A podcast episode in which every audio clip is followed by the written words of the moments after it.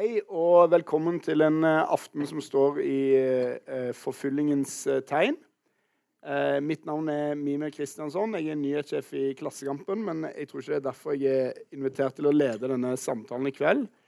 jeg skal ikke si så mye om mine kvalifikasjoner for å delta i denne fyllersamtalen, annet enn at jeg kan spore i direkte linje mitt slektskap tilbake til Egil Skallagrimson.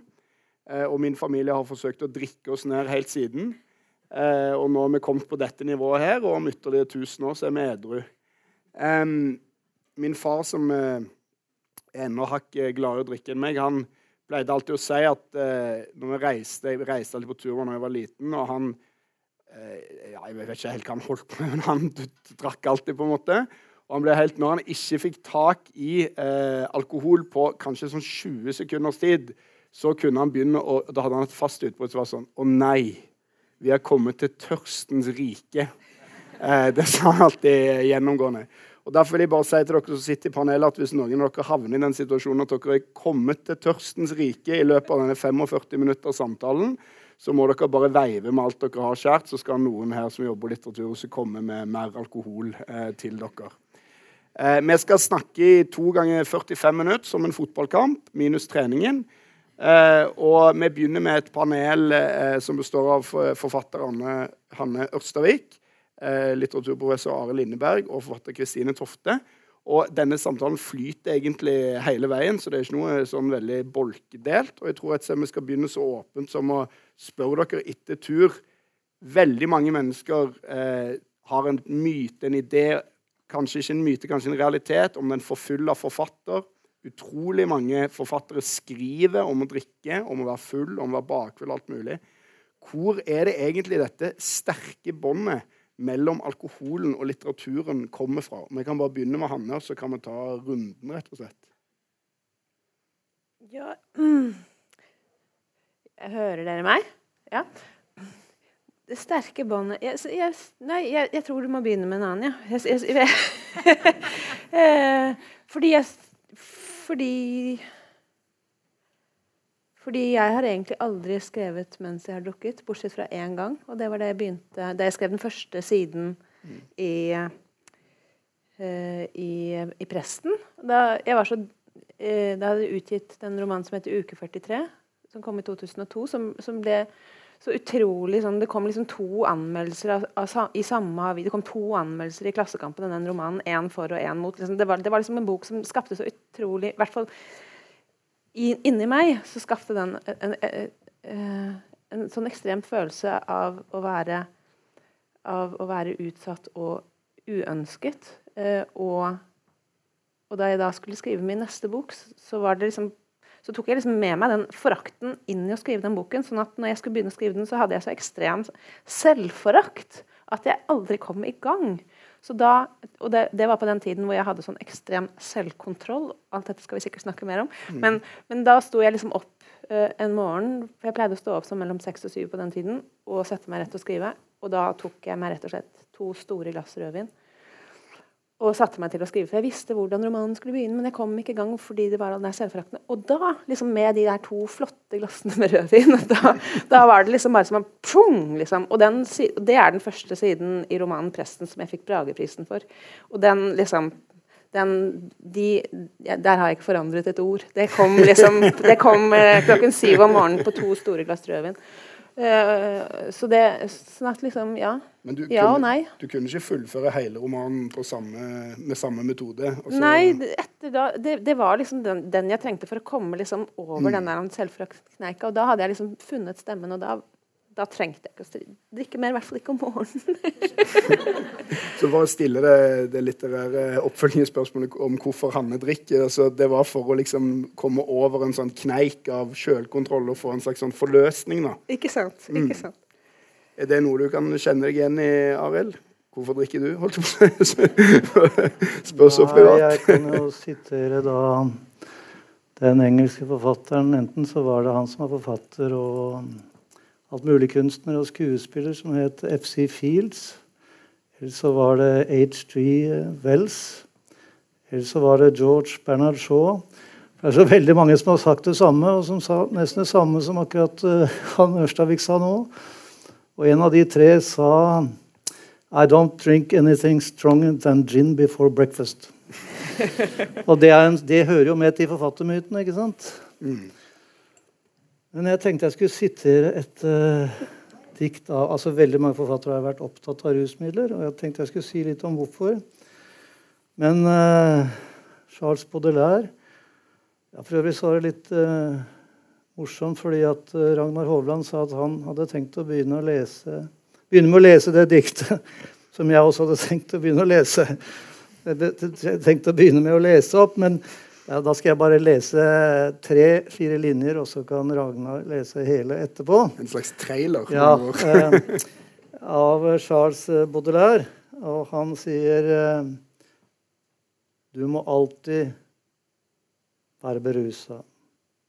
Det er alt det dreier seg om for å ikke føle den forferdelige byrden av tida som knuser skuldrene dine og trykker deg ned mot jorda. Derfor skal du alltid være full uten dårlig samvittighet. Men full på hva? På vin? Poesi? Dyd? Velg sjøl. Men berus deg. Og eh, det er egentlig veldig godt sagt. Eh, nå sa jeg ikke både der så veldig mye dårlig heller, da, men altså eh, Det er veldig godt sagt, for på, på tysk så har vi et Altså vi har en type brennevin som ikke er så veldig glad i, men f.eks.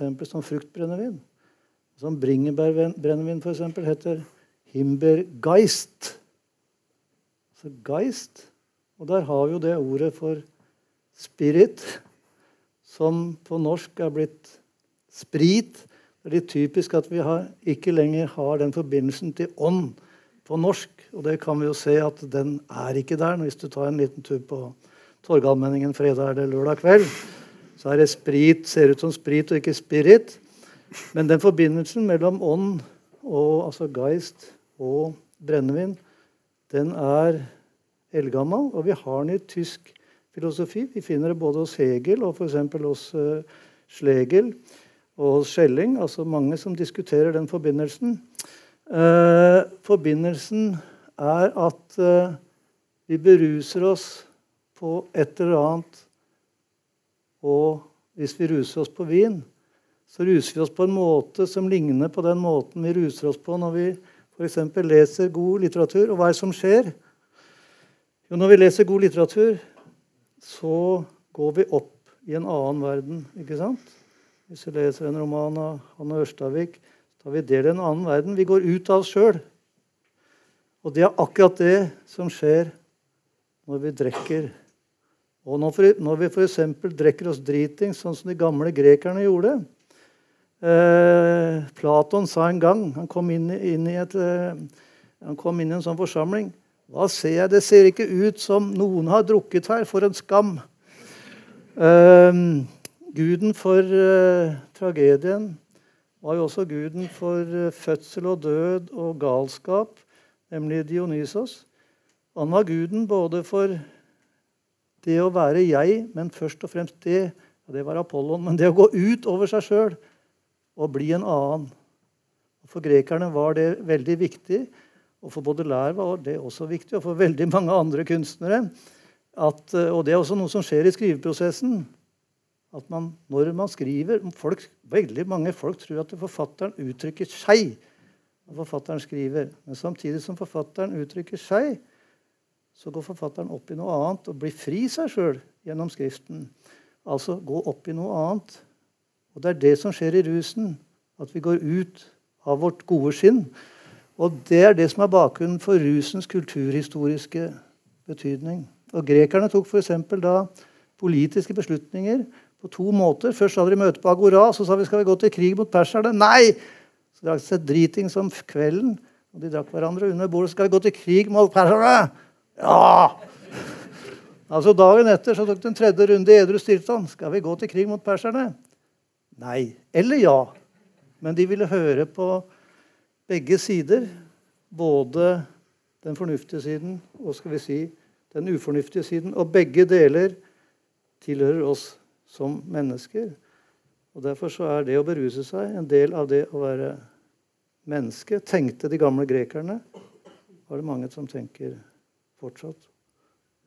Bare for å følge opp det litt altså, Først bare en eh, anekdote. Jeg, I et av mine mange forsøk på å, å slutte å drikke, som foreløpig ikke har gått så veldig bra, så tenkte jeg at svaret skulle være romaner. liksom, at Hvis jeg leste mer romaner, så kunne det erstatte den nettopp pga. Sånn, ut av det sjælopplevelse og sånn. Men så oppdaget jeg at alle de romanene jeg likte, de handla jo om folk som drakk. Og da var jeg på en måte like langt. Eh, og, og, det jeg lurer på, hvis du, hvis du tenker at dette er, er inne på liksom på en måte samme felt, og dette er at man kommer ut av seg sjøl, både i romanen eller i det kreative, det å skape noe, og det å drikke. Eh, og hvis det stemmer da at, at mange forfattere er glad i flasker, hvis man bare legger den hypotesen til grunn, er det da et, Hvis man spør sånn Fødselen har blitt sånn, på en måte. Er det da sånn at de samme folkene som er glad i romaner, er glad i å drikke? Eller blir man god til å skrive romaner av å drikke? Altså åpne det å drikke liksom et rom for sånn ut av det sjæl? Eller er det sånn at man kan liksom Man liker alle typer rus, på en måte, og det kan ta mange former, liksom? Spør du meg? Ja, jeg spør deg. Nei, jeg tror de fleste forfattere skriver i edru tilstand. Og de som jeg kjenner selv, de som virker veldig sånn surrealistiske og sånn, de er jo ikke det når de skriver, for det, da blir det bare tull. Hvis du er for rusa. Så kan det kanskje bli morsomt å se det dagen etter. Men uh, veldig mange forfattere er jo veldig disiplinerte og skriver fra da til da og sånn og sånn. Men erfaringen med rusen, derimot, erfaringen med hva som skjer for med romfølelsen. Eh, rommet forandrer seg.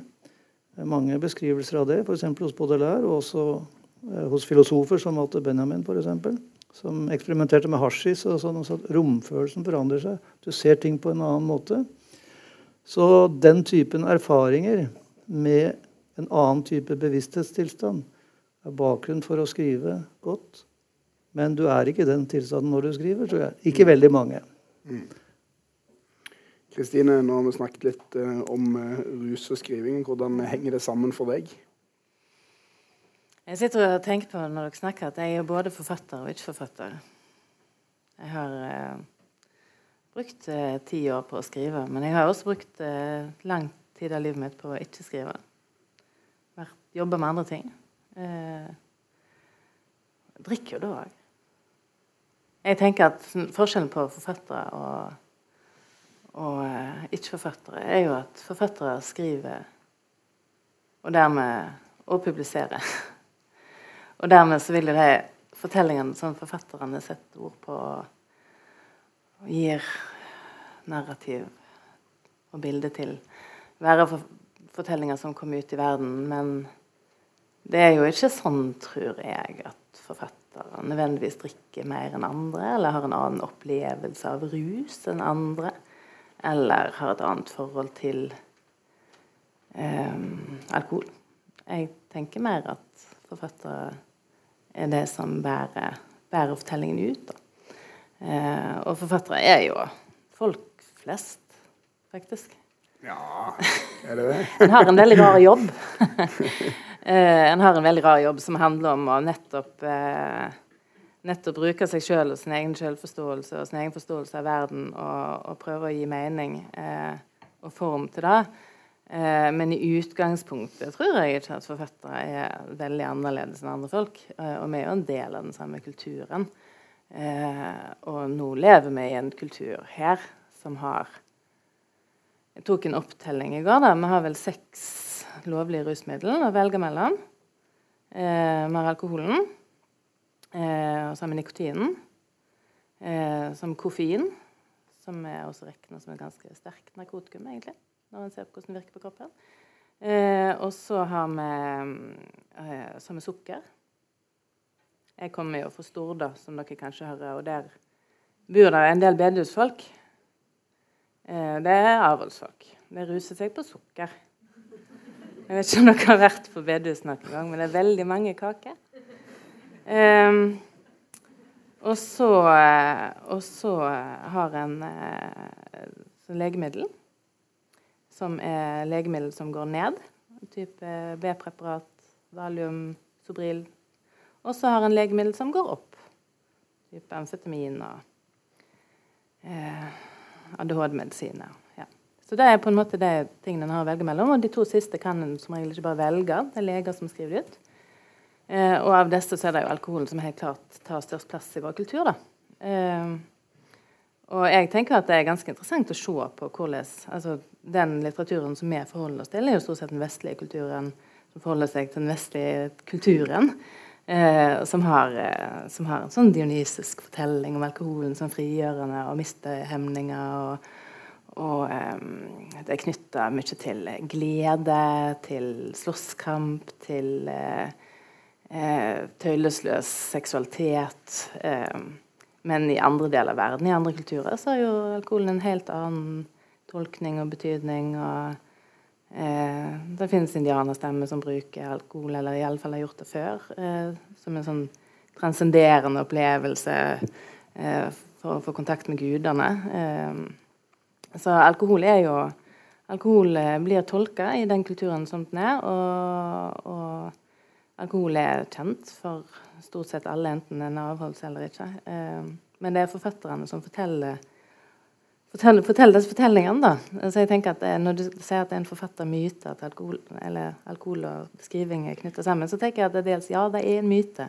Mm. Eh, fordi det sitter jo mange folk her som ikke er forfattere, og ganske mange av de som drikker. Ja, så nå er det mange protester. Om vi begynner å handle.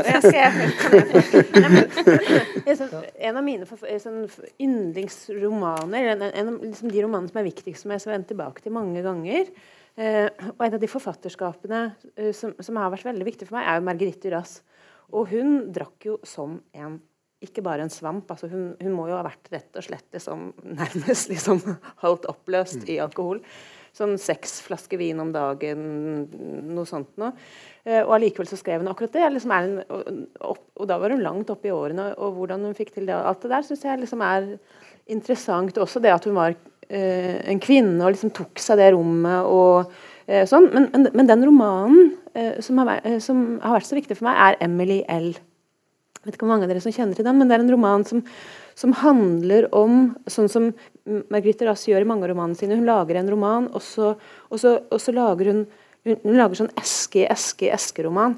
sånn at Margaret, eh, Emily L. Er, handler om et, eh, en forfattersubjekt, en eh, eldre kvinne, som er sammen med en yngre mann. De reiser en hel sommer, så kjører de inn til Tocqueville, som ligger liksom i Bretagne-Normandie, inn til sånn havneby, og der setter de seg på Eh, på Café de la, eh, de la, Marine, eller nå har jeg glemt litt hva den heter, sånn, sjøkafeen, liksom. Kafeen ved havnen. Uh, og, der, og, selvfølgelig drikker de. Det står det egentlig ikke så mye om at de drikker, men der sitter de. Og de overhører et annet par som de etter hvert kaller Emily L. og kapteinen. Som er et forfyllet eh, par par av, en, av, av, denne overklasseengelske piken, som da gifter seg med en mye liksom, laverestående mann, som da senere ble kapteinen. Og det de gjør nå, er å reise rundt på alle verdens hav. Og de drikker og drikker, og hun holder på å dø. Og det er en type oppløsning. Og dette paret speiler seg da i denne Emily L. og kapteinen. Og vi vet jo ingenting egentlig om denne fortellingen. til Hva er sant, og hva er ikke? Hvem har fortalt Emily Ells og kapteinens fortelling til denne jeg-fortellingen, som, som, er da sammen med denne denne andre mannen. Og de begge to snakker, og de snakker mye om å skrive eh, eh, sammen. Og han sier at, eh, hun sier at du tør ikke skrive, du vil ikke skrive. Og han sier at ja, men jeg kan ikke skrive sammen med deg. Sånn. Og de holder på med dette. på en måte, Hva er skrivingen, og hva er begjæret? Og kan begjær og, kan begjær og kjærlighet og skriving høre sammen? Og det er det som det, dette Emily L-forholdet, fordi kapteinen brant Emily L.s 20 dikt for, fordi han ikke forsto det. Han følte seg utestengt fra hennes dikteriske verden. Han brant det, og dermed så knuste han på sett og vis hele den, den indre verden som var hennes, og allikevel så elsket hun han, og de fortsatte å reise rundt. Så jeg tenker at Disse to fortellingene speiler jo i, speiler hverandre. Og, de, og, de, og, denne oppløsningen, hvordan, hvordan Emily eller kapteinen sitter jo der, og de er jo sørpefulle. De drikker whisky på whisky liksom hele dagen. Dag etter dag. Og dette andre paret som observerer dem, og som jo sikkert også sitter der og drikker mens de hører på dette andre paret. Sånn, og, øh, og, er det jeg prøver å si? Jeg bare prøver å si, si et eller annet om at, om at det fins liksom et felt hvor alkoholen opererer i en type sånn oppløsnings- eller overgangstilstand eh, som, som, også, sånn, det er mange ting her som fascinerer meg. Som, på sett og vis liksom vil jeg bare snakke om det for å kaste det ut. For å si at jeg syns dette er kjempeinteressant, men jeg vet egentlig ikke helt hva det betyr, eller hvor det skal lande, eller, eller hva vi kan forstå med det. Jeg bare syns det er, er, er, veldig interessant, og den romanen er kjempeinteressant i forhold til kjærlighet, begjær, skriving og rus. Men øh, øh, øh, men Marguerite Rass drikker. Hun skriver denne romanen om denne kvinnen som har i forhold til noen mann som sitter og drikker, og de hører noen andre som sitter og drikker. Uh, men det handler jo ikke om drikking. Det handler jo om begjær og kjærlighet. Men det, men det, skjer i dette feltet hvor noe er også i en eller annen type oppløsende og nedbrytende tilstand. Uh, ja. Mm. Tenker, um, det er et godt lesetips. altså. Det bør man alle sjekke ut. Ja, jeg tenker, men jeg tenker også at du har uh, som som eh, forfatter også gjør dette da, med å gå inn i dette egne rommet hvor eh, hun planlegger ikke romanene sine. Hun er, jeg bare tenker på den der alminnelige norske forfatteren i dag som eh, leverer barna i barnehagen, setter seg ved skrivebordet, har en joggetur midt på dagen hente barna i barnehagen. Altså sånn planlegge romanene sine, skrive plott, eh, holde skrivekurs på folkehøyskoler. Eh, altså, jeg tenker det, det, det er et sånn lysår mellom den, den alminnelige norske forfatteren i dag, da. Og, og Duras, når hun, når hun skriver om, om, om å skrive. Sant? At dette med å en kan ikke planlegge bøker, en kan ikke ville bøker. De må bare være. Sant? En må bare skrive i, i det. Altså, en ser for seg dette fulle mennesket som er så full av eh, eh, tanker og refleksjoner og følelser. Og hun jo, går jo inn og ut, og språket hennes er så levende og så, eh, så intuitivt og, og, griper seg sjøl. Og det popper opp nye ting underveis, og en tenker at dette er ikke planlagt, dette er følt, dette er, dette er en flow, på en måte. Så tenker jeg Det er en annen type skriving enn veldig mange norske forfattere gjør i dag. Og jeg tenker at den, den, type skriving kan jeg bedre på en måte forstå sammen med rusen enn den der trente Birken og skriv Skrive en planlagt roman-type forfatteren. Altså, og så kan en jo også spørre seg om det er norske forfatterne i dag som leverer barn i barnehagen og trener til Birken, om de skriver dårligere bøker da, enn det som bare lot seg på en måte suge inn i dette dragsuget. Eh, de forfatterne fins jo selvfølgelig også i Norge i dag. Eh, men, men, jeg tenker at det er noe med, det er noe med kulturen vår da, som også endrer, endrer kunstnerne. Mm. Fra nettopp å være dette Så de er blitt streitere? Veldig. Eh, veldig. Altså når du er på forlagsfest i dag, så sitter jo folk og diskuterer eh, egentlig boligmarkedet i Oslo. Mm. Det, det, er litt mm. trist. Men det er jo sånn det er. Altså, det er noe med at Dionysus har forlatt scenen på et vis. Ja vel. Ja, Det er kanskje vanskelig å diskutere boligmarkedet i Oslo uten å trekke seg full, men altså Men altså, Margaret Ross var jo en som var alkoholiker for en lang periode. og så For moro skyld så satte jeg meg ned og så skrev jeg opp de forfatterne jeg kom på som hadde vært alkoholikere. da. Eh, for det er jo en helt klar sammenheng mellom stor diktning og ruserfaring. Eller kanskje til og med det å være rusavhengig. Og da noterte jeg bare følgende navn. Sofokles, Aristofanes, Sokrates, Cæsar, Luther, Goethe, William Blake, Michael Bellman, Thomas de Quincy, Coleridge, Edgar Allan Poe, lord Byron, Baudelaire, Verlaine, Mallarmé, Oscar Wilde, Dostojevskij, Louis Carroll, Hamsun, August Strindberg, Per Sivre, Edith Sødegran, Apollinaire, Majakovskij, Jean Jane and Paul Bowles, Pessoa, Ezra Pound, Hemingway, James Joyce, Joseph Roth, Charles Bukowski, Margaret Duras, Tove Ditlevsen, Gunnar Ekeløf, Penti Sarikoski, Inger Christensen, Jakob Sande, Olaf Bull, Andre Bjerke, Jens Bjørneboe, Cornelius Resvik og Joakim Nilsen. Men eh, For å nevne noen. Men hva er denne sammenhengen? Den sammenhengen tror jeg er at eh, kunstnere som skaper så intenst, de brenner veldig hardt. Og de som brenner veldig hardt, de brenner også veldig fort, fort ut. Selv om noen av disse ble gamle, så er det egentlig unntaket. Jeg husker jeg møtte Pentti Sarikoski, den største finske poeten. En av de største, kanskje den største. Han ble bare 43 år gammel. han var 46. Han drakk seg i hjel. Leveren sprakk. Jeg møtte han en gang på en poesifestival i Son. Det må ha vært på det var i 1982. Hadde dere mange samtaler om boligmarkedet i Oslo? Ja, nei. Absolutt ikke. Bare om helt andre interessante ting. Men det var det året hvor eh, Tristan Vindtorn, eh, Terje Johansen og Arne Ruste feira 40 år. Så var det sånn stor poesifestival i Son. Og da kom Petter Sarikowski med det han alltid pleide å komme med.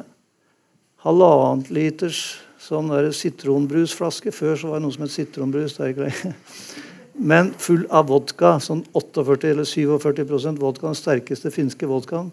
Og den satt han og drakk på hele tida. Sånn og sånn. Men han leste jo best av alle likevel. Og han skrev ned sine ruserfaringer. Blant annet, eh, altså Tenk på Pentisariskowski, som ble bare 43 eller 46 år. På 17 år så skrev han 34 bøker. Eh, halvparten av dem, dvs. Si 17, var oversettelser av eh, bøker fra alskens vanskelige språk. Han oversatte Dante fra italiensk samtidig som han utga en diktsamling. Eh, han oversatte Joyce fra irsk samtidig som han utga en, utga en roman. Han oversatte Ibsen fra norsk, Strindberg fra svensk. Det var kanskje ikke så langt unna, da, men osv. osv. Og han utga altså to bøker i året samtidig som han drakk intenst hele tida. Og i en av hans uh, veldig, uh, mange veldig gode bøker så Det var da mens han oversatte Joyce, så, så skrev han da den boka som heter uh, 'Brev til min hustru'. Og som var en sånn Han tok altså en knaus lenge før knaus. Hvor han bestemte seg for at han skulle skrive ned alt som hendte han, og som hadde hendt han, og som han kom på rett ned. Så Det var altså ikke skjønnlitteratur i den skjønne Men der, skjønne men der handler det veldig mye om drikking. For han Pentti Dasarikoski drakk veldig mye. Og, um, nå er klokka halv to. Hittil i dag har jeg drukket te, spiste smørbrød, to egg. Drukket to Jill gin. Én pint rommer fire Jill. Og siden en pint er litt over en halv liter, har jeg altså nå når klokka er nøyaktig 13.26, drukket ca. en kvart liter gin fem 5 centiliters drammer, det er ikke så mye. Det er mye mindre enn jeg drikker i Finland. Og jeg har ofte tenkt sånn at uh, Hva om disse folka da hadde vært uh, avholdsfolk?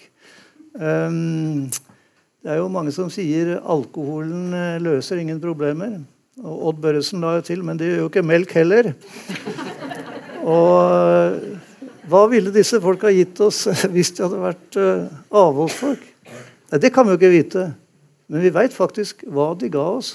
Og de var alkoholikere, hele gjengen. Det syns jeg er til ettertanke. En sammenheng mellom beruselsen, det å ruse seg, det å leve intenst og skape intenst i en rus.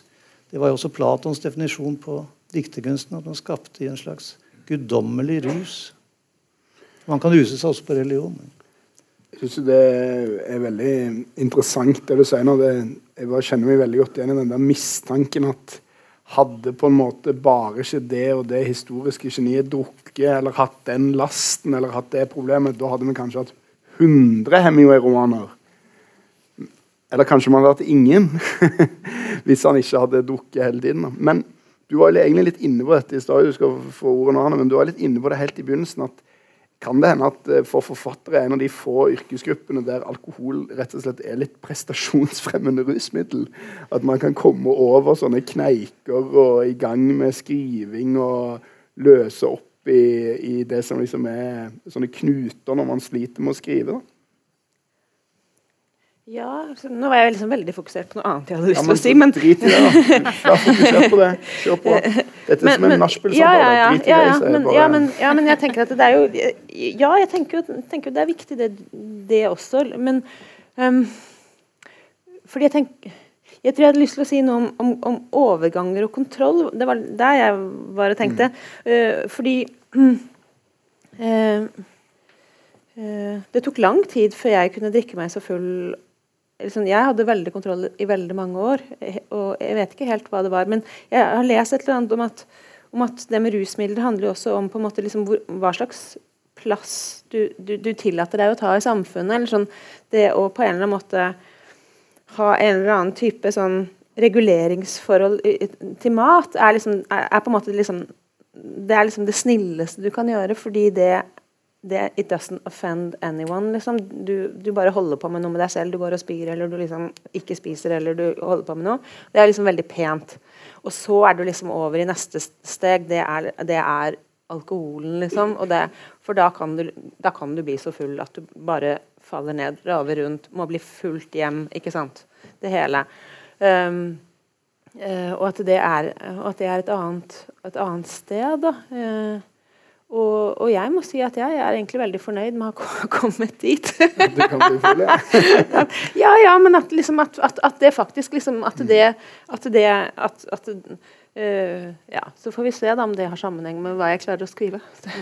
det får noen andre bedømme. Men, um, men det var egentlig ikke Det var det ene. Men det andre var det at jeg, jeg hadde lyst til å si noe om at, at alkohol har alltid, alltid, alltid funnes. Liksom, så lenge det har vært mennesker, så har det vært liksom, summererne holdt de på og hadde sånne inni de hadde sånne jordhytter hvor de hadde det, det var jo, De drakk jo øl. Det var jo mikrobryggerier all over. Eh, eh, og prostituerte utenfor som da ikke fikk lov til å komme inn. Eh, men, men, men, men at alkohol eh, jo i vår kultur handler også veldig mye om overganger. Det synes jeg er interessant. Det handler om overganger. Vi har fredagspilsen. Det er Etter en uke på jobb så kan, kan man liksom gå ut og drikke, for da er det overgangen til helgen. Og så er det en, en, en, tirikiri eller noe sånn stam i Kenya som har liksom, de har det omvendte. De drikker når de skal på jobb. When, no beer, no work. Eh, så liksom det, det er den. Og så, så, og, og så har vi liksom gravøl. Det er liksom vi drikker i begravelser for å følge noen til graven. Men, men vi har jo også liksom disse gamle vikingegravene eller, og liksom de egyptiske gravene. Liksom. Vi har jo sendt med våre døde liksom, utstyr til å drikke seg virkelig hinsides. Eh, gjennom liksom hele historien har vi liksom gjort det. Så jeg tenker at den, den, Alkohol er liksom, det handler om, liksom om, om på en eller annen måte å hjelpe, no, hjelpe oss over i en annen tilstand. Og, og selv så har jeg liksom helt siden jeg liksom skjønte at, at, at vin fantes, så har jeg, så har jeg liksom jeg, Det er veldig sm, få perioder i livet mitt hvor jeg ikke har tatt noen glass vin om kvelden for å kunne gå og legge meg. Og det, liksom, og det handler jo også liksom om den, hvordan liksom komme over i natten. For natten er jo farlig. Sånn, man legger seg ned, og så er du død bevisstløs i åtte timer. Alt kan skje. Sånn, det er en farlig tilstand. Sånn, sånn, sånn, du skal ned dit, liksom. Sånn, over dit. Men jeg tenker, det er også en overgang. Liksom, jeg tenker at, at det, det, det er at vi bruker det til noe. Uh, uh, ja, vi bruker det til mange ting. Herregud. Arild også, Kristine. Ja, altså det å bruke det til noe det, Siden du sa det, så kom jeg på noe som Thomas Espedal uh, har skrevet. den eh, Han har skrevet sånne småstubber som også handler om uh, alkohol. Og det er en som heter Dobbel, en som heter Sigaretter, som handler om en bar. og om barndom, og, men en som heter Alkoholer. Og som jeg tror da er etter surrealisten Guillaume Apollinaires 'Alcohols'. Uh, Iallfall tittelen. Men det er apropos altså, hva alkoholen kan gjøre, og hva, hvilken betydning det kan ha for skrivinga. Alkoholer. Det er ingen som venter på meg. Jeg venter ikke på noen. Som barn hadde jeg et ordinært ansikt. I løpet av ungdomstiden ble det større. Det er ingen overdrivelse å si at det fikk den samme dimensjonen som et speil. Men jeg lignet fremdeles på meg selv. Det var først da jeg begynte å drikke at ansiktet forandret seg. Av det jeg har skapt, er ansiktet det jeg er mest stolt av. Det er ikke vanskelig å ødelegge et ansikt. De samme stoffene som har frambrakt en forbindelse av varighet, vil også oppløse den. Det er på tide å slutte å drikke. Og likevel venter jeg på noe jeg aldri før har sett. Kristine, du hadde òg Ja, jeg syns det er veldig eh, interessant òg, som Hanne sier om, om eh, hva rusmidlene gjør for oss. Og jeg har tenkt at drikking er jo veldig Det er en sånn pussig greie med at det både er veldig privat og veldig eh, sosialt. Eh, jeg tenker jo eh, Anoreksi eller bulimi, spiseforstyrrelse, er noe som en, som en holder veldig for seg sjøl. En prøver ofte å skjule det og snakke ikke med andre om det. Det er veldig sjelden en gjør sammen med andre. da. Eller en kan jo sitte og pirke i salaten sammen med andre, men det er sjelden en går og spyr sammen. Eh, men det er helt sant. Det, en gjør det vel privat. Eh, men, men, samtidig så er det jo også et, altså et Jeg tenker når du sier det er ingen som blir Ingen blir fornærma, men ikke spiser, men mødre blir. Altså det, det, er egentlig det mest aggressive du kan gjøre mot en mor, det er jo å la være å ta imot melken. Altså å la være, la være å ta imot maten. Eh, eh, det eneste som er enda mer aggressivt, det er jo en koprese, altså at du bæsjer på deg. Og det, det, er det barn som gjør. Også ungdom. Faktisk også voksne. Mest ungdom. Eh, som også er et ekstremt aggressivt uttrykk. Sant? At du lar være å styre kroppsfunksjonene dine lenge etter du burde. Jeg føler at det blir helt bæsjedebatt. Men, ja, vi skal snakke om alkohol. Men, men, jeg tenker på at alle disse greiene som vi driver med, som helt opplagt ekstremt private, eh, så er jo alkoholen ekstremt sosialt mm. og kulturelt regulert. da. Altså del av overgangsritualene våre, eh, det eldste overgangs... Eller vi har jo et overgangsritual fra ungdom til voksen som er russetiden. For eksempel, som er et sånn dionysisk ritual hvor alt går fullstendig i oppløsning, og en går rundt i en kjeledress i en måned uten å vaske seg eh, og ligge med folk og drikke seg full.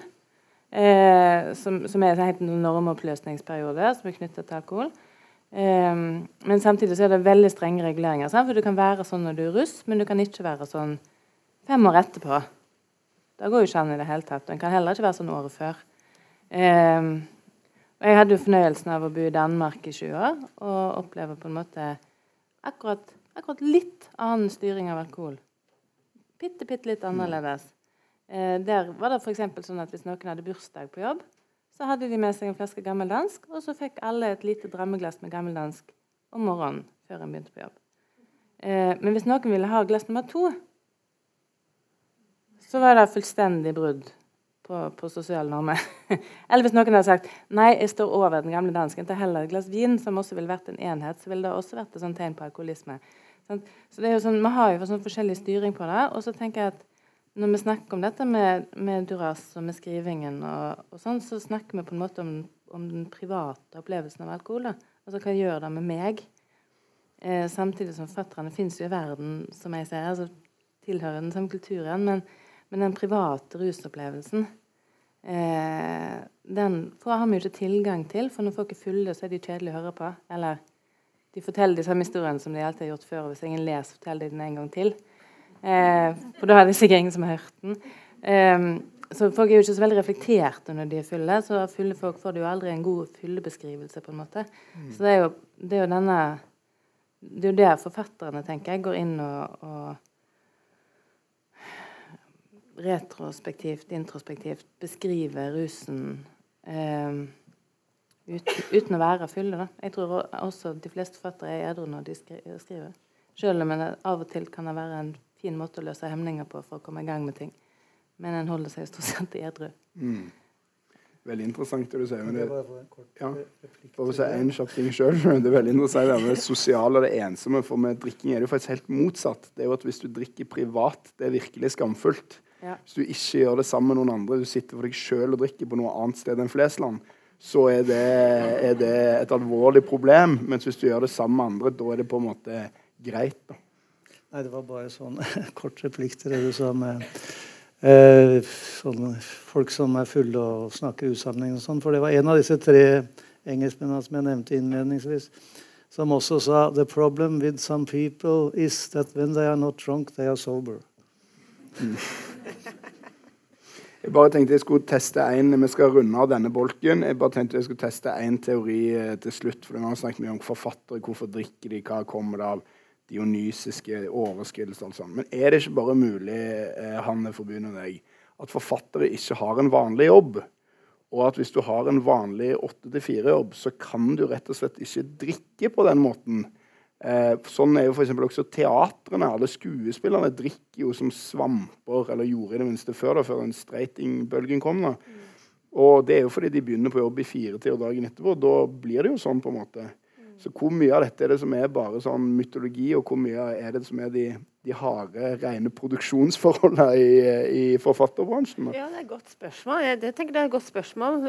Jeg vet, men, men jeg kjenner meg også igjen i det, i det Lindeberg sier om, om at eh, Noe også om på en eller annen måte også litt sånn etter når jeg både når jeg skriver og når jeg på en måte ikke skriver, men skriver gjennom å ikke skrive. liksom det, når jeg virkelig er i liksom, en romanprosess har liksom ulike faser, men, men, når det liksom virkelig tetter seg, liksom kjenner at liksom, så er det akkurat som om å ha gått en hel dag. Fordi det å skrive roman er virkelig å mm. være så ekstremt, så ekstremt fokusert, og samtidig så er du nødt til å være mottakende fordi, fordi jeg kan ikke skrive en roman som, som, jeg har tenkt, for så interessant er ikke det jeg tenker. Jeg, jeg, jeg må på en måte både tenke og ikke tenke. Jeg må både både være ekstremt konsentrert lyttende uh, og samtidig helt åpen.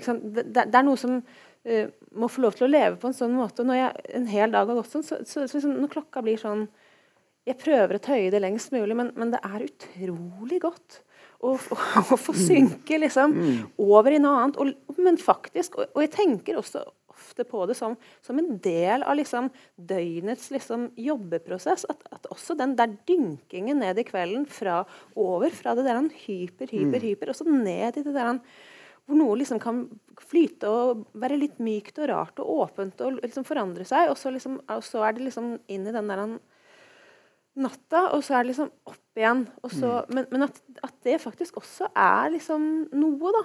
Mm. Men, men, men, det er helt klart at selvfølgelig ligger det strukturelt til rette. liksom. Men da tenker du at det er på en måte som å sånn, eh, holdt på å si, restarte hjernen? på en måte, Eller komme deg ut av det? Da så du tenkt på romanen hele dagen? Nei, nei men jeg fortsetter jo å tenke på romanen. Ja. Men jeg tenker på den på en annen måte. Det er liksom som å dynke meg selv mm. nedi liksom et annet stoff. Eller liksom prr, sende meg selv ut i noe annet. Liksom. Fordi Hvis ikke så kan det liksom bare bli for for liksom villet eller styrt. Liksom, så det er liksom også liksom, liksom, på en måte liksom gi den prosessen liksom mot sideveis bevegelse eller liksom noe annet. Ja, mm. noe jeg ikke ja. Si, det er helt, helt gjenkjennelig. Ja. Men jeg tenker, for, for jeg, sånn som Enten så skriver jeg, eller så skriver jeg ikke. Det er også fordi at jeg har en annen jobb. Eh, og når jeg skriver, så, så har jeg ikke den andre jobben. Da har jeg fri fra den andre jobben, og så drar jeg et sted, og så skriver jeg. Um, og da dusjer jeg ikke. Og jeg lager ikke mat. Uh, for jeg er alene. Uh, og så skriver jeg fra jeg våkner om morgenen til klokka ca. 11 om kvelden. Skriver 8 om morgenen til 11 om kvelden. Mer eller mindre. Små pauser ute, tar en røyk kanskje, men spiser knekkebrød. Men skriver hele tida. Og når klokka er halv elleve om kvelden, så så har jeg Det er akkurat så Da trenger jeg på en måte jeg, Det er jo ikke fordi at jeg slutter å skrive i hodet. Det er jo ikke fordi at jeg slutter å være i romanen. Men jeg er bare nødt til å gå over noe annet. Også fordi jeg vet at natten kommer. Fordi jeg vet at jeg kan ikke skrive og så sovne. Eh, så da tar jeg et glass vin. Eller to. Eh, men da ringer jeg til ei venninne som orker å høre på meg. Og så snakker jeg uavbrutt om det jeg skriver eller tenker på omkring det. Og så legger jeg på, og så drikker jeg et glass vin til, og så sovner jeg. Men jeg er jo i romanen hele tida. Men det er to forskjellige modus. på en måte. Dette å være edru i romanen og faktisk skrive, og dette å være full i romanen og snakke, eller bare sitte der mm. og snakke med meg sjøl. For det gjør jeg òg. Eh, og så sovner jeg, og så våkner jeg neste morgen, og så begynner jeg å skrive igjen. Eh, og jeg tror egentlig at min skriveprosess krever den. Eh, om da jeg, jeg, jeg, tror ikke jeg hadde klart å finne av-knappen heller om kvelden. Uten, og uten da så vil jeg jo ikke få hvile, og uten da så vil jeg jo ikke få arbeide. Så det er jo helt nødvendig. på en måte. Det er nødvendig å drikke. Ja, helt til slutt. Ja, jeg syns det var et viktig spørsmål du stilte der um, til slutt, Mimir, om den egentlige sammenhengen mellom altså forfattere, det å skrive, og hva forfattere faktisk uh, skriver om, hvis jeg forsto deg riktig. Og jeg tenkte på uh, en bok av uh, Vigdis Hjorth som heter 'Tredje person entall', hvor hun skriver om dette, som jeg syns er en veldig god framstilling av dette. Ja, det er da Hulda Kråkefjær i eh, den boka som sier dette, eller skriver dette. Drikker for mye, men er forsont. Hevder for meg selv at det er noe sunt i russuget. Blir hun synes hun kommer i kontakt med noe i beruselsen. Når sinnstilstanden er endret. Noe sant, noe viktig. Kanskje gjelder det alle. Men i hvert fall for dem som bærer på fortrengt sorg, tap, sier hun til seg selv. De som er skadd. Det er ikke lett å være menneske på jorda. Vi skal dø her, og det er ingen steder å flykte. Hverdagslivets sjarm er svært relativ. Hun er for alt som kan hjelpe mennesket gjennom natten. Bønn, sovemedisin, en flaske Jack Daniels. Vil ikke være så streng mot seg selv som samfunnet er. Hulda Kråkefjær innfører en ny orden. Det er lov å bli full og finne fellesskap på puben. Ikke noe menneskelig vesen, ingen mann, ikke noe dikt, ingen musikk kan erstatte alkoholen i den funksjon den har for det drikkende mennesket. Hun er der hvor lidelsen er forhindret fra å få henne til å lide. Og Med de ordene tror jeg vi tar en pause. Da er det ti minutters eh, pause, eller litt over. Vi skal være tilbake her eh, litt før hæl. Eh, og det er mulig å få seg noe i glasset. Og tusen takk. Vi må ta en applaus for eh, de vi skal takke av. Takk til Kristine, takk til Arild, takk til Hanne. Veloppdragent eh, publikum som har kommet inn på tiden og blir stille uten å bli bedt om det, til og med. Uh, vi skal i gang med andre bolk. Vi har fått med oss Ragnar Hovland og Erlend Nødtvedt. Erlend ble kalt inn på veldig kort varsel, men uh, det var forsvarlig fordi dette er et uh, felt han behersket fingertuppene. um, og vi skal begynne med det allerede annonserte lesingen av Baudelaire-diktet. Og Ragnar, du får bare, ja, Siden det ble så grundig annonsert tidligere. og det kom som et, ja, det et stort skår i gleden for meg at Lindeberg også hadde tenkt på dette her. Men jeg skal, jeg skal ta både det han leste, og, og resten. Eh, I den andre målforma. Gjendiktning ved Tove Bakke. En må alltid være i rus. Det er det som er svaret. Det er det det handler om. Ja, skal de slippe å kjenne den gruelige vekta av tida som knuser skuldrene og bøyer dykk mot jorda, må det ruse dykk uten stans. På hva? På vin, poesi eller dygd som det måtte lyste, men rusdykk.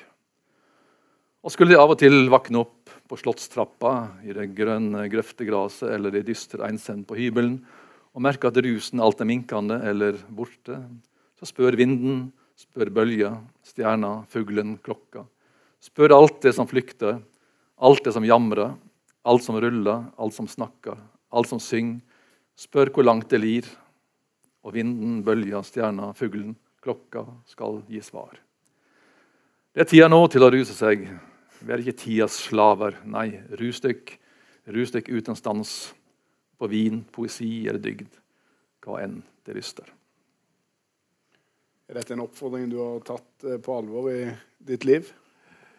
Uh, nei Det er liksom litt både og, kan jeg si. Altså, jeg kommer jo fra en uh, sterk avholdsbakgrunn. Vi er jo begge prestesønner her. Så. Sånn det prestesønnenes inntog på, på scenen. for, altså Først fikk vi de fyllikene, og så får vi disse opp for å liksom oppsummere. Det Ja. Det er 45 minutter med moral. Så både mine foreldre og, og eh, som nær slektning på slektsleddet før meg, de, de, det var stort sett avholdsfolk. Og, men eh, mine foreldre fikk fem barn, og ingen av de ble, ble det. Så, men, eh, men det tok, tok eh, ganske lang tid før jeg eh, oppdaga Eller fikk fullt utbytte av eh, alkoholens gleder. Mm. Seint ute. I det både lærdiktet så, så er det jo en sånn slags motsetning mellom å være slave av tiden og ruse seg. på en måte. Eh, det snakket vi ganske lite om i den forrige bolken, men det der eh, Hva er det man prøver å unnslippe når man drikker? Ja, det er, kan jo være veldig mye. Eh, F.eks. det at, at en eh, prøver å unngå å, å skrive. Ja. og, det, og, og det vil en jo veldig ofte, ofte unngå. Iallfall vil jeg det. Så alt, alt er bedre enn å sitte seg ned og skrive. Ta opp, ta opp vasken eller lage mat eller vaske gulv. eller noe sånt. Så, altså, det å utsette, utsette skriving. Så alkoholen er jo, er jo en måte å gjøre det på. Men samtidig så er også, også, er jo også alkoholen en, en måte å komme inn i skrivinga igjen på. Så, så jeg har både hatt eh, både store gleder og en, nok en uh, sorger når det gjelder alkohol. vil jeg si. Så kommer litt inn på sorgene senere, men eh, Erlend, du er blitt en av de streitingene som Kristine snakker om. Småbarnsfar, jobb, alt dette her. Og innimellom så drikker du og skriver du. Hvordan får du tid til alt dette? Jeg har skrevet fire bøker, og eh, jeg har hatt en nedadgående kurve. Den første ble skrevet i svært, svært inspirert tilstand. Og så har det blitt mindre og mindre og mindre for hver bok, eh, faktisk. da. Eh, når jeg skrev min første bok, så var jeg 23 år. Og da er man såpass ung at man fremdeles er i kontakt med, med stemningslivet. Og så har man et rikt indre stemningsliv. Men det er, samtidig er det helt, helt på tampen før man blir, begynner å bli avstumpet for alvor. Men da husker jeg at den, som 23-åring så var jeg fremdeles i kontakt med de stemningene. Men eh, de holdt på å, å dø ut, rett og slett. Så da, da brukte jeg alkohol helt sånn målrettet for å prøve å sette meg inn i de, og komme inn i den stemningen, og i de, de stemningene som jeg søkte å, å skrive om, rett og slett. Så da var det ja, ja, ved hjelp av musikk og ved hjelp av alkohol, store mengder alkohol gjerne. Og bare prøve å, å komme inn i, i de tilstandene, i grensetilstandene, ikke sant? de man nå til dags er heldig hvis man treffer i innsovningsøyeblikket eller i, eller i, eller i drømme. Men da var jeg, når man er så ung, så er man fremdeles noenlunde i kontakt med, med, det, med det stemningslivet. Men så under, og da skrev jeg jo en veldig sånn fri og assosiativ og intuitiv eh, dikt, Da var det dikt, ikke sant? Men så for hver bok så har det blitt mindre og mindre drikking. Og hvordan eh, føler du sjøl kvalitetsutviklingen har vært? det, er noe, det er noe helt annet. eh, For det har noe med det, det løsslupne versus det litt mer eh, kontrollerte å gjøre, rett og slett.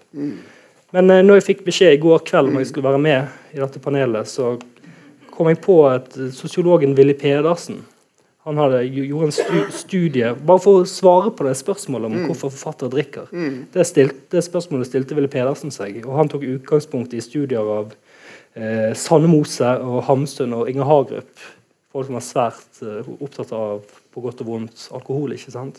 Og han har en eh, liste på, på fem punkter på hvorfor forfattere drikker. Det første det er ensomheten i arbeidet. Det andre er slitet med å tre inn og ut av fiksjonens verden. Tredje angst og subjektivt ubehag. Fire alkoholens rolle i den kreative prosessen, som vi har vært inne i, inne på. Og så er det den femte det er deltakelse i kaféliv. Det er liksom hans helt sånn seriøse sosiologiske punkter på hvorfor forfattere drikker. Det der angst og subjektivt ubehag det høres ut som en diagnose som er liksom Men Ragnar, hvilke av disse fem eh, kan du skrive under på? Nei, alle sammen, egentlig. Men jeg tenkte jeg skulle sitere en mann til. Mm. Akkurat det samme. Det er Rolf Stenersen, som har, har en fantastisk morsom bok som heter Aksje, 'Aksjer kunst, kunstnere'. Det er ikke sånn morsom tittel, men boka er veldig morsom. Og det er mye anekdoter om eh, forfattere og, og kunstnere og, og aksjer. Eh, han, Aksel Sandemose, som du nevnte, han sa til uh, Stenersen altså det, han, Stenersen var ikke så veldig alkoholisert, men han, var sånn, drakk som måtelig. Så han sa Sandemose til han, det er ikke rart at du ikke drikker, for du, du er født full. altså. Men her, nå har uh, til en, en stubb som heter 'Nå veit jeg hvorfor en dikter drikker'. Og Det er liten, et stykke som handler om at han skal på kontoret sitt, der han behandler med aksjer og kjøper kunst og sånn. og så sammen med far sin. Og så skal det komme et lyskryss, og der plutselig så er faren borte. Sporløst. Og plutselig så innser Alf at han ikke vet veien til kontoret. for Han husker ikke nummeret på denne gata. Alle hus er like, alle like, og de er grå. og så Han setter seg ned og skjønner ikke hva han skal gjøre. Og så, sånn, og nå veit jeg iallfall hvorfor en dikter drikker. Han er så redd for å merke at han mista sine vinger, at han skynder seg, skynder seg med å drikke seg full. Men dette er jo sånn er glasset halvfullt eller halvtomt eh, spørsmål. Ja. bokstavelig talt. Altså, men Ja. drikker man for å unngå å være edru, eller drikker man fordi man er glad i å drikke? Nei, det er jo begge del, deler. Så um, uh, Altså, det, de henger jo uh, nøye sammen, De jeg nok, si. Um, altså, det, det er jo um, Ja. Um, hvis jeg skal ha en effektiv arbeidsdag, så, så, så kan en ikke drikke fryktelig mye. Altså det, altså ha en sånn passelig rus, det, det går greit. Men altså, altså, å sitte og skrive i fylla, det, det fører sjelden noe sånn særlig godt med seg. Hvis han ser, leser dagen et, etter, så ser altså, Særlig hvis det har skrevet med hånd, så, så er vanskelig, vanskelig å lese, vanskelig lese håndskrift. da, så hva du egentlig, egentlig har skrevet. Men eh, jeg, leste et uh, intervju med den finske filmmaker Aki Kaurismäki nylig. Og Han eh, fortalte litt om, om dette her. og at Han hadde filma både når han var dritings, og når han var sånn passelig rusa, og når han var edru. Og det er ingen som kan se forskjell på de, de gangene han var det ene eller, eller det andre. Det en skal unngå, det er å filme når en er i bakrus. Hvis du kjenner at en bakrus nærmer seg, så må du, må du fylle på litt for å få til en sånn, få en sånn jevnt. Eh, Olaf Bull eh, han er jo et eh, en naturlig person å snakke om i denne sammenheng. Som en eh, notorisk drukkenbolt. ikke sant? Og om han, om han hadde sagt at Olaf Bull drakk aldri mens han skrev. Før han skrev, drakk han derimot rikelig, men særlig etterpå. Og han, eh, han levde jo i en tid eh, Han jo, fikk oppleve brennevinsforbudet og hetvinsforbudet, annet. I går så kom jeg over en sak i Fredrik Vandrup sin Olaf Bull-biografi der de helt på begynnelsen av 1920 det går rykter om at hetvinsforbudet skal oppheves. Og Da sier eh, Olaf Bull til konen sin kanskje jeg skal prøve å være i landet litt lenger. Det, det går faktisk et rykte, et, bra, et skikkelig rykte fra en pålitelig kilde om at hetvinsforbudet skal opple, opp, nei, det, oppheves i januar. Vi venter til å se om det skjer, da. Og så skjedde det ikke, så vi må bare dra. Og Olaf Bull han drakk jo kvistlakk, og han smurte skokrem på skiven. og de hadde jo, det var utrolig mange sånne alkoholsubstitutter ikke sant, som hadde navn som dunder og glideflukt og det ene med det andre. Og, og leger var jo veldig populære, som skrev ut eh, medisinsk alkohol. Sånn, eh, en som ble tatt, hadde skrevet ut 117 resepter på en dag, rett og slett. I et, et Bull-sitat For øvrig er jeg en drømmer, kun bundet til jorden av alkoholens lenker. Men i disse jordiske lenker opplever jeg himmelen. Men eh, det de sa, som var innom på slutten, det at eh, det handler ofte om å skru av. At eh, det er derfor man, man drikker. Det er jo kanskje derfor mange skuespillere er alkoholiserte. ikke sant? At det er vanskelig å skru av når man har eh, full i adrenalin på scenen, og så skal man liksom bare kutte. At, eh, jeg tror jeg har hørt mange si at de drikker bare for å ja, kutte språkmaskinen rett og ikke la den fortsette. Eh, Marie Hamsun hun ble spurt eh, Det var etter Hamsuns død. Jeg litt sånn frekk radioreporter. Ja, hva med Hamsuns alkoholproblemer? Og da, da sa hun det var ikke alkoholvansker, men han drakk for å skylle bort gamle manuskripter. Så Det tror jeg kan være reelt for, for mange forfattere. Bare det å, å kutte strømmen, rett og slett. Nå har det vært mye eh, snakk her i dag om å ta seg ett glass vin, to glass vin, eh, ha en jevn eh, rus gående mens man skriver litt, kanskje roe nervene og sånn. Men altså, denne, selve dette tittelen på dette er jo fylla. Altså selve det å rett og slett bare bli det vi i min generasjon vil kalle wasted. Eh, hvilken rolle spiller det da i litteraturen? Altså det å rett og slett bare drikke seg fra sans og samling. Ja, det, som emne for litteratur så, så er jo det et, et, veldig bra. Men eh, også, eh, jeg tror jeg vil støtte de som sier at eh, det er veldig få kunstverk som er laga av folk som har vært dritings. Det, men, eh, men altså det, altså det selve stupfylla, det, er jo, er jo interessant. Som, altså, og du har jo opplevelser der som måtte, I den grad du husker, de opplevelser noe som helst, så, så Hvem er det som skriver bra om å være full, da? Det er en klassisk eh, roman om Det er vel Tom Christensens eh, hærverk, eh, tenker jeg. Eh, den jeg kommer. Men, så, men eh, Bukowski, som jeg nevnte tidligere, i kveld, han har jo også skildra dette. Han var vel full absolutt hele tida. Er Den beste romanen jeg har lest om, om drikking, det er den ruske forfatteren Jerofejev sin 'Moscow Stations'. Den er ikke oversatt til norsk. Eh, Den kom ut i Paris i 77, tror jeg, og ble ikke utgitt i Moskva før i 89. Men den er den aller ypperste skildringen av Det handler om en som, som tar eh, to toget, eller undergrunnen, gjennom Moskva og eh, går av på hver stasjon og drikker. Så den bare Jerofejev Moscow Stations. Den er helt ypperlig i så måte. Ellers så av norske forfattere så er jo Uppdal en svært habil skildrer av, av fyller, rett og slett. Både det, den eh, harde, blankt brennevin rallarfylla, men også den mer sånn halvsofistikerte fylla. Det var jo Kristoffer Uppdal og Jakob Weidemann de var jo de aller mest eh, habile fyrene, som det heter, i, i Oslo på, på sin tid. Men jeg personlig syns jo alt er svært interessant. Jeg liker veldig godt å lese om drikking. Og jeg liker også veldig godt å Jeg er veldig interessert i de forfatterne jeg liker, sitt drikkemønster.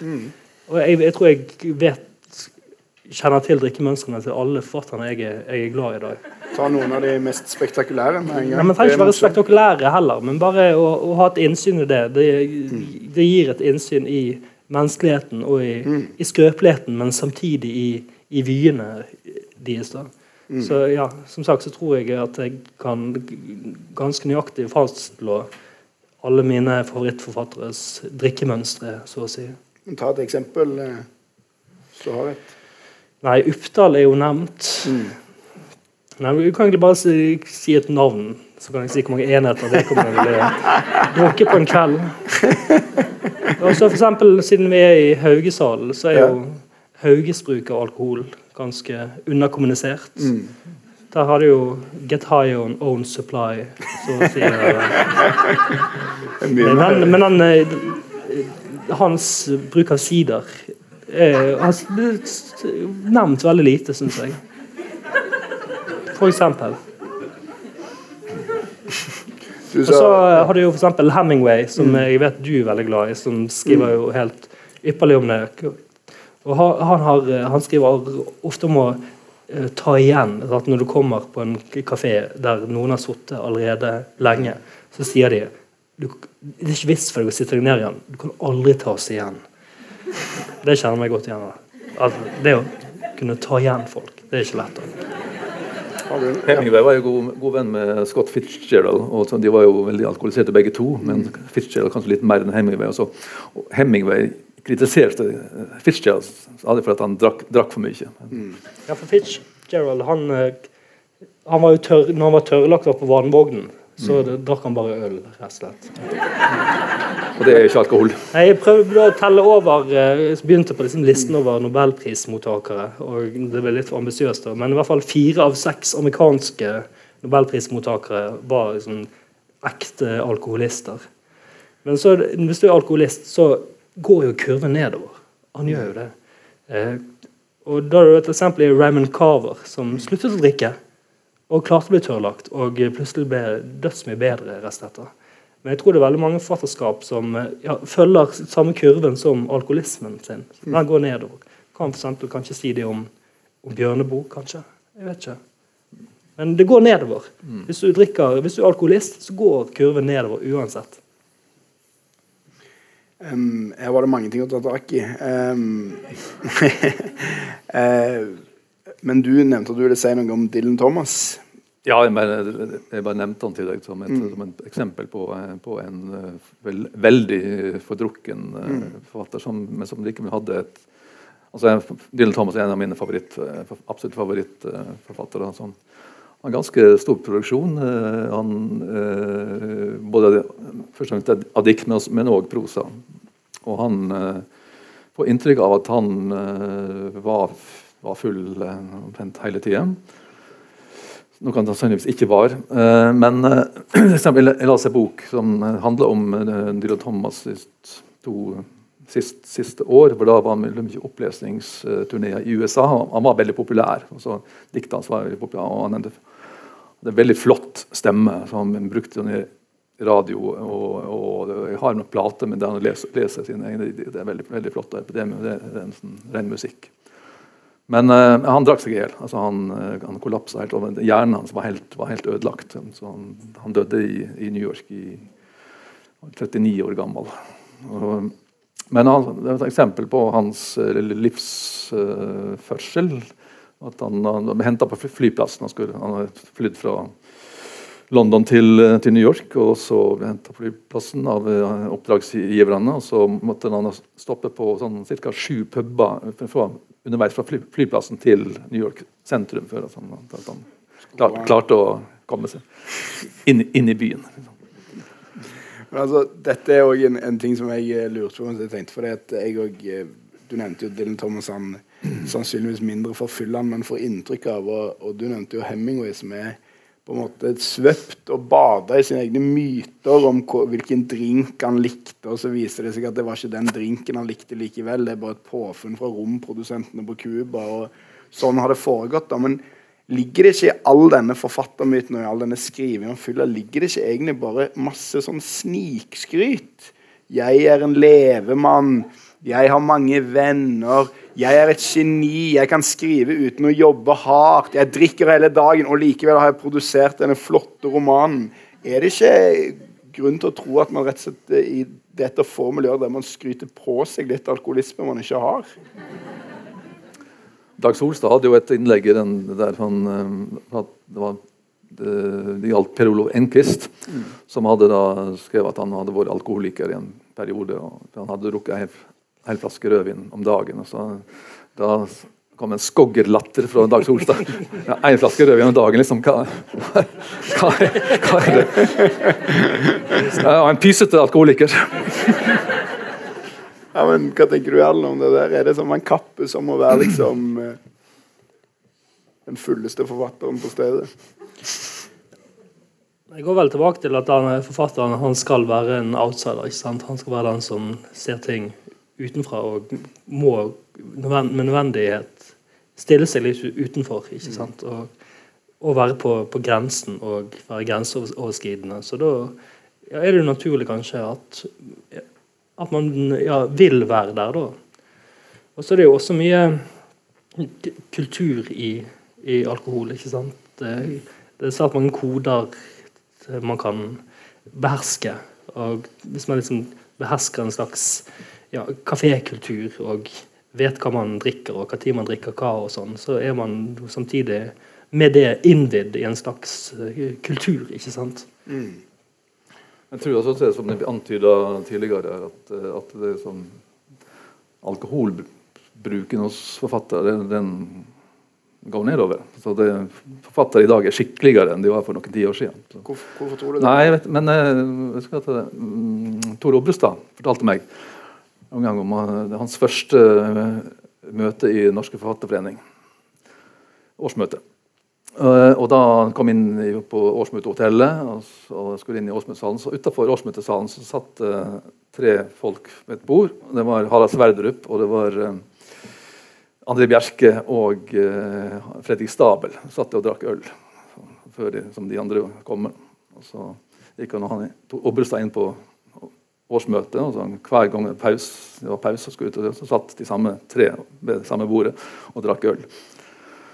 Og uh, Tor Obrestad var jo en idrettsmann og han gikk og skulle legge seg ganske tidlig. og Han, gikk og la seg, satt, satt Harald Sverdrup, André Bjerke og eh, Fredrik Sabel ved samme bordet og drakk øl. Og da Obrestad skulle stå opp neste morgen og ut, ut, ut og springe, så satt eh, Harald Sverdrup, André Bjerke og Fredrik Stabel ved samme bordet og drakk øl hadde ikke vært i seng. Så da tenkte, sa, tenkte Tor Obrestad stadig at her har jeg mye å le av. Men eh, man, kjenner jo ikke alkoholismens gåte. Men eh, sykdommen alkoholisme er jo Man vet ikke som, hvorfor man blir alkoholiker. ikke sant? Det er genetisk, og det er miljømessig. Men man har ikke svar på den gåten, rett og slett. Og hva kommer først? Depresjonen eller alkoholismen? Eller alkoholismen eller depresjonen? Mange fattere har jo ja, det man kan kalle affektive lidelser i en eller annen forstand. Så det er jo ja, man, man, kan ikke svare, man vet ikke svaret, akkurat som man ikke vet svaret på hvorfor noen blir alkoholikere. Den, det er en sykdom som man vet ikke, man, har ikke, man vet ikke hvorfor folk blir alkoholikere. Forskningen sier ikke noe entydig om det. Men, og, og ikke minst så er det veldig vanskelig å vite hvor den grensen for å være alkoholiker går. Som jo er en stor eh, diskusjon. Det er akkurat som jeg nevnte i stad, at det er greit å drikke alene bare du er på en flyplass. Altså hvor er det på en måte de faresignalene på en måte fins. Men vi snakket litt om denne streitebølgen og sånn. Det har vært mye snakk om det. Har jeg litt lyst til å høre Du er en av disse yngre forfatterne som er streit og ikke drikke og, og diverse trene og holde på. men, men, eh, men eh, for det første, kjenner du igjen i den beskrivelsen, eller er dette bare sånn mimring om at før i tida så husker de festene bedre, de, de gamle, liksom? Nei, det er helt klart at det endret seg. Det er sånn når jeg begynte på Skrivekunstakademiet eksempel, i 2006 eller 2007, da var det kartong med vin. Når vi kom første skoledag klokken 12-1. Kartong med vin. Men eh, det er det jevnt over slutt med, da. Hva de endringene skyldes, det er, det er nok mange ting. Men det er, helt opplagt at den trenden er reell. Hvis dere skal prøve å spekulere litt i hva det skyldes, da? Det Er bare en generell tendens i samfunnet, liksom, eller skyldes det en eller annen Ja, jeg har ikke noe godt svar på det, men eh, jeg kan godt si at det er en generell eh, tendens i samfunnet at forfatterne ser at eh, det er en slags sunnhetsbølge. Vi får vel henge oss på den, så har vi noe, et nytt emne å skrive om. Så vi kan, kan trene, trene, trene litt og legge ut våre loggbølge loggbøker. Nei, det, det er veldig vanskelig og, veldig vanskelig å si. Altså. Men, men, det, men det, jeg syns det er påtagelig at, at det, det, litt, det er mindre sånn stupfyll og mindre slåssing og nedslåing. Og slikt. som det var. Jeg husker fra min tidlige tid. Jeg lurer på om jeg kunne stille deg et spørsmål, Ragnar. Du har jo skrevet en god del om drikking i forskjellige valører. Syns du, det- hvordan- syns du det er vanskelig? Hvordan eh, har du det med å, å skrive om drikking og skrive om fyll? Ja, nei, jeg um, syns ikke det er så vanskelig. For jeg har jo eh, Jeg har jo eh, vært i, vært i den situasjonen uh, sjøl. Også jeg har eh, Det er veldig lenge siden jeg, kan huske at jeg har vært full, men jeg, Men er det, Men- er det, men- er det men, eh, lettvint å ty til, liksom? Ja, da er det, ja, det er litt- er det, over, det overskrider med en gang, automatisk. Ja, det er litt det er lettvint å ty til. Det er for slags triks for å et romanen. et slags- triks. Så, så jeg gir ikke så veldig mye av det lenger. Men det var en ting når, det jeg kom på akkurat nå eh, å- Å skrive om en, en er berusa eller eh, edru eller eh, full, så eh, i, I min eh, viltre ungdomstid, da jeg begynte å skrive litt sånn på alvor Men før jeg debuterte, så hadde jeg vært på og drukket øl på Holbergstuen. Ganske mye øl. Og så kom jeg tilbake til min hybel, og da hadde jeg skrivemaskin sånn. Og så fant jeg ut å, nå har jeg en idé. Jeg skal skrive en kriminalroman. Og det skal jeg skrive i kveld.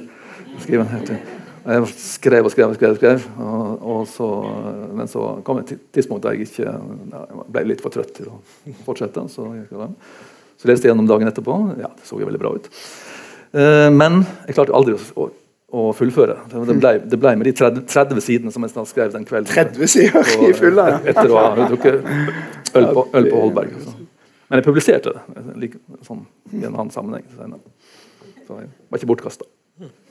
Så det går, det går an. Men hvis, hvis en er ung I dag vil jeg ikke, nok ikke ha klart det. Men tenker du at det er noe sånn fordi at det litt, går litt på den skrytingen vi snakket om i stad? Altså, er det noe som helst ved fylla som er lenger skambelagt å skrive om? Altså, Vi er jo en sånn tid der alle utleverer seg sjøl og sine egne liv og sine alkoholiserte foreldre og det ene med det andre. Eller er det liksom bare nesten som du var inne på, også de negative sidene, men det nesten bare noe sånn Yes, der har jeg litt skjebne jeg kan legge til min roman, på en måte.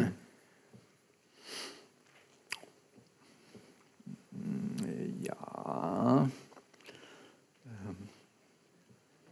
Kan man tenke seg liksom et tema inn, altså Alkoholisme er jo et tabu i samfunnet, men er det egentlig noe tabu i litteraturen Nei, rundt det? ikke litteraturen eh, er det det. Men uh, som vi var inne på, så, så det, det er kanskje litt, litt billig triks å, å ty til. Um, og hvor interessant det er, det kan en òg uh, diskutere. Altså, ene fylleopplevelsen si, slår den andre i hjel. Det, er ikke- det er ikke så stor forskjell på, på det. Og, Jeg, jeg syns jo anekdoten, og gjerne ofte fylleanekdoten, er ja, det er kanskje det mest underholdende å lese av absolutt alle ting. Så hvis jeg kommer over det, så logger jeg uh, automatisk. og så er det jo ja, Det er en merkelig sånn todeling her. For vi snakker om liksom alkoholisme, som er en uh, alvorlig sykdom som alle her inne kjenner noe vet hvor forferdelig ekte alkoholisme er. da, på en måte. Men det er jo ikke det vi snakker om heller, på et vis. Ja, det er jo en flytende grense, da. Men jeg ble en gang apropos det fylleanekdoten, ble en gang spurt om å skrive en bok der jeg skulle reise rundt som sånn Asbjørnsen og samle norske fyllehistorier. Og det synes jeg var en, virker som en helt fantastisk idé på papiret, men det verste av alt er at fyllehistorien er jo helt like overalt i landet hvor du kommer. Altså, det, er jo ikke, det går bare ut på det samme. Noen ble jævlig fulle og kliner med noen og slåss med noen, og et sted i Bergen skryter de alltid av å stjåle en pingvin, liksom. Men det, det er på en måte Det er cirka der det Kan du liksom ikke en god anekdote som du kan fortelle? Jo da, jeg kan det, men det får vi ta etterpå. Altså, tror jeg, og lynkjapp en. Jeg har ikke en klar, altså. Vi tar det etterpå. Det må bli litt mer besjela i det. Men jeg, eh, den eh, islandske dikteren Gerdur Kristni hun traff jeg når hun gitt ut en bok på noe som heter 'Dråpa', som er en veldig fin dikt. Og hun er avholds. Og da har jeg eh, For det første ble jeg litt overrasket over det, for jeg lurer på er det mulig å skrive gode dikt når man er avholds. Eh, og for det andre så sa hun at hun syntes det var dritkjedelig å lese fulle anekdoter. Og det ga jo ingenting. Og hun sammenligna med at når noen prøver å fortelle deg en drøm de har drømt, og så er det bare dritkjedelig for deg som ikke opplevde drømmen, liksom. At der våkna jeg opp midt eh, Jeg drømte at jeg var på, på badeland, og plutselig var Kåre der òg, og fy faen, så rart det var, liksom. Og så sitter du og tenker i alle dager, liksom, hva skal jeg med denne informasjonen? Ja, men jeg, jeg det på, på motsatt, akkurat på motsatt måte. Ja. Jeg syns det er dødsinteressant å høre om andre sine drømmer. Ja. Det er kanskje der, der liksom vi skiller lag, da. For det, det handler jo om eh, om eh, overskridelsen, ikke sant? Og, og om det andre og det det merkelige og det, det rare, ikke sant? Det som er utenfor normalen, simpelthen. Men kan du komme på en avholdsforfatter du liker? Eh, Du lista opp en, en rekke fulle forfattere som du syns var bra. Ja, jeg har godt spørsmål. Jeg kom på én. Ja. Eh, Johannes Heggeland, som Hva tidligere formann i Forfatterforeningen og ordfører på Tysnes. Som skrev en lang rekke med historiske romaner. Han var avholdsmann. Og jeg må si at eh, selv om det ikke måtte litt måtte utenfor mitt felt, så syns jeg det var imponerende gode, gode bøker. Altså. Så, for, fått veldig, veldig flott, flott språk. Altså. Så jeg, det er mitt, eksempel. Og Olaf Nygaard, eh, vår mest visjonære dikter, han var òg visstnok svært dårlig til å fyre. da. Det er sånn noe som er verdt svært underlig. Ja. Jeg husker også en av disse gangene jeg skulle forsøke å slutte å drikke, så gikk jeg inn for å finne sånne forbilder på Wikipedia. List of famous teetotalers. Og det er trist gjeng, altså. Det er Hitler. Og, og ellers så av alle liksom kommunistene der òg er bare sånne folk du ikke vil bli assosiert med. Da. Men det, så nærmeste, som, det nærmeste jeg kom, var liksom Che Guevara, altså. Rett og slett. Avholds. Men det sier jo mye om hvordan man blir å være avholds òg, da. For at, eh, da får man liksom et voldelig sinn. Jeg er jo for eh, altfor ung til å ha opplevd Georg Hansen på ekte. da. Så jeg har alltid lurt på eh, kunne han fyre, egentlig. Og så spurte jeg en som kjente han godt, kunne han fyre. Ja. Ja, det har jeg på en måte aldri lurt på, eh, vi må snakke litt om eh, til slutt, vi har ti minutter, jeg må snakke litt om eh, alkoholens onde tvilling, nemlig bakfylla. Og nå har vi snakket mye om sammenhengen mellom fylla og bakfylla, nei, mellom fylla og litteraturen. Men er det òg en sammenheng mellom bakfyllen og litteraturen? Er det noe produktivt å hente i den grusomme opplevelsen man kan føle dagen etter man har drukket? Men det er jo stort sett det samme, kanskje. Men eh, grunnen til at Jon Fosse har eh, produsert så mye og blitt så stor, det er jo han, det sier han jo helt klart sjøl, at han er en av de som i uansett slags begredelig tilstand han er i, så kan han jobbe. Uansett. Han kan sitte seg ned om morgenen klokken åtte og bare koke det, rett og slett. Og det, er jo en, eh, en, emne, som, en emne som er ja, helt Som skiller, tenker jeg, da. Han er helt sånn Uansett. Ja, nå har han jo sluttet å drikke, men når han drakk Uansett hvilken tilstand han var i, så kunne han jobbe. Så jeg tenker mer at liksom det, det nervøse ved bakrusen er ikke like interessant som de som faktisk klarer, om de klarer å jobbe eller ikke. Men du er ikke sånn som klarer å jobbe når Nei. bakfull? Nei. for Det er derfor jeg er ikke kommet lenger enn jeg har. Du hadde vært Jon Fosse, hadde du bare kunnet jobbe når du var I hvert fall mye nærmere. Ragnar, kommer det noe godt ut av det? Alle, de kommer jo veldig opp med følelser når man bakfull. Skam og angst. og Bærer dette òg i seg noe positivt? liksom? Altså, eh, bakfylla er jo ta- takknemlig eh, emne for eh, litterære tekster. Men, eh, men eh, altså, den er jo forferdelig å altså, skulle jobbe, jobbe i, bakfylla. Så det, det er ikke noe som jeg har noe jeg, Der skiller Fosse og mine veier seg. Klart. Jeg tenkte jeg òg må spørre dere altså, Nå har vi, snakket litt om, om forskjellige ting og, og drikking og, og diverse med litteraturen. Men med det vi så vidt var inne på på slutten av forrige bolken, det var jo òg dette med motivasjonen for å drikke i det litt liksom ubehagelige. altså Det at man ville bort fra en eller annen ting i virkeligheten, at man ikke trivdes og alt mulig. Og du har jo sagt Erlend, at eh, det går et slags skille mellom alkoholisme og det sunne alkoholforbruket. Og et eller annet sted på den skalaen eksisterer jo det skillet. Men er ikke den motivasjonen på en måte i all drikking? altså At man vil eh, eh, føler man er på feil klode, da, for å si det sånn, og vil eh, bort i et eller annet annet enn det, det, det man har i det daglige. da. Jo, men Det er jo helt opplagt. ikke sant? Man vil vekk fra kroppen og vekk fra dødeligheten. og eh, Hva heter han eh, danske poeten? Jeg kommer på det. Bare hold det gående litt. Søren Ulrik Thomsen. Ja, Søren Ulrik Thomsen han er jo sånn Nei, eh, forfattere som drikker, det er ikke noe interessant. Det er bare tull. og jeg syns Ja, jeg drikker fordi at det, det er godt med øl. og Det er en avveksling, og det er moro. Men at, at det finnes noe mer der, er han eh, helt avvisende til. det. Mm. Hvordan visste du at det var han jeg refererte til? Jeg skjønte det på deg. Jeg så, jeg så det på deg. Det sto staver i trynet. Ok, Jeg tror vi skal gå inn eh, for landing. Eh, jeg har sa ja til dette ordstyreoppdraget på betingelse at jeg fikk lese et dikt, eh, og jeg òg, som er skrevet av Jens Bjørneboe. Eh, og jeg, det er veldig langt. Jeg mistenker at det er skrevet i fylla, for det er dårlig redigert. I alle fall. Eh, så jeg har tatt meg den frihet å kutte det litt ned. Eh, en stor synd på sett og vis, men det, dere fornøyer dere med noe utdrag. Dette 'Farvel, bror alkohol'. Og det passer godt å avslutte kvelden med. Farvel, bror alkohol. Merkelig å skilles fra deg efter så langt vennskap. Mange, mange år var vi uatskillelige. Arm i arm og hånd i hånd, som gode venner går i land som er sydligere enn det hvor jeg har fått min oppgave å fylle. Men vi gikk slik her, åpenlyst, på gaten, på landeveien og alle steder.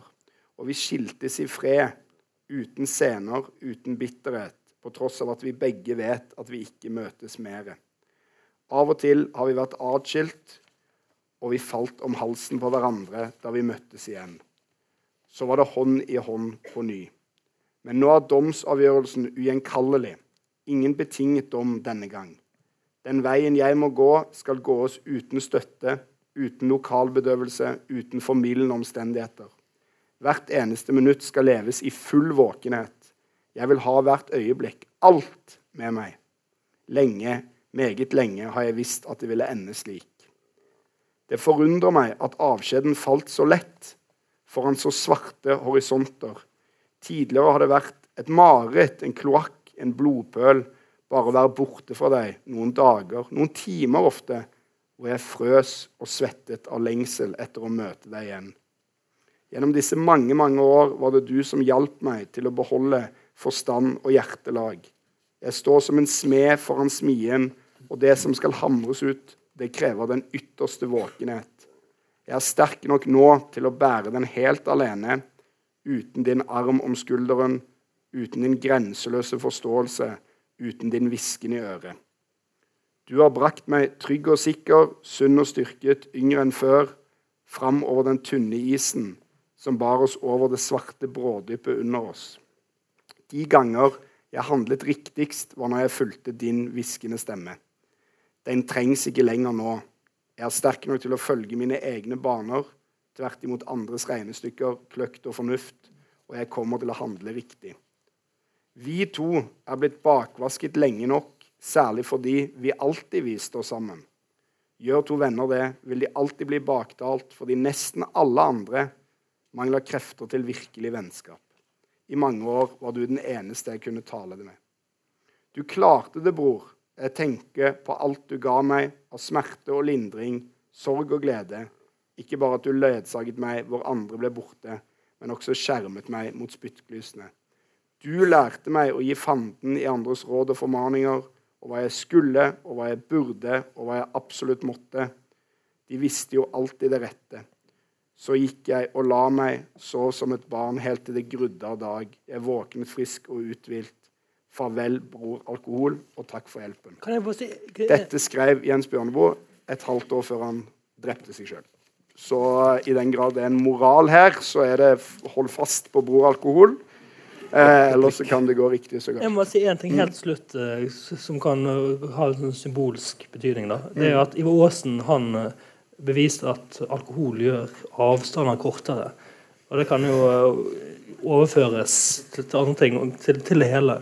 For han, eh, Etter han spiste middag, så hadde han en flaske brennevin liggende i utmarken. Så, så, og så skal han gå etter middag og ta seg en støyt. Og så talte han antall skritt fram til uh, flasken. 98. Og så en god støyt. Og så skal han gå hjem. 95. Ragnar, du hadde òg noen siste ord på Nei, det, det var så gode ord. Da slutter vi der. Tusen, tusen takk for at dere kom. Tusen takk til alle som har vært med i panelet i dag.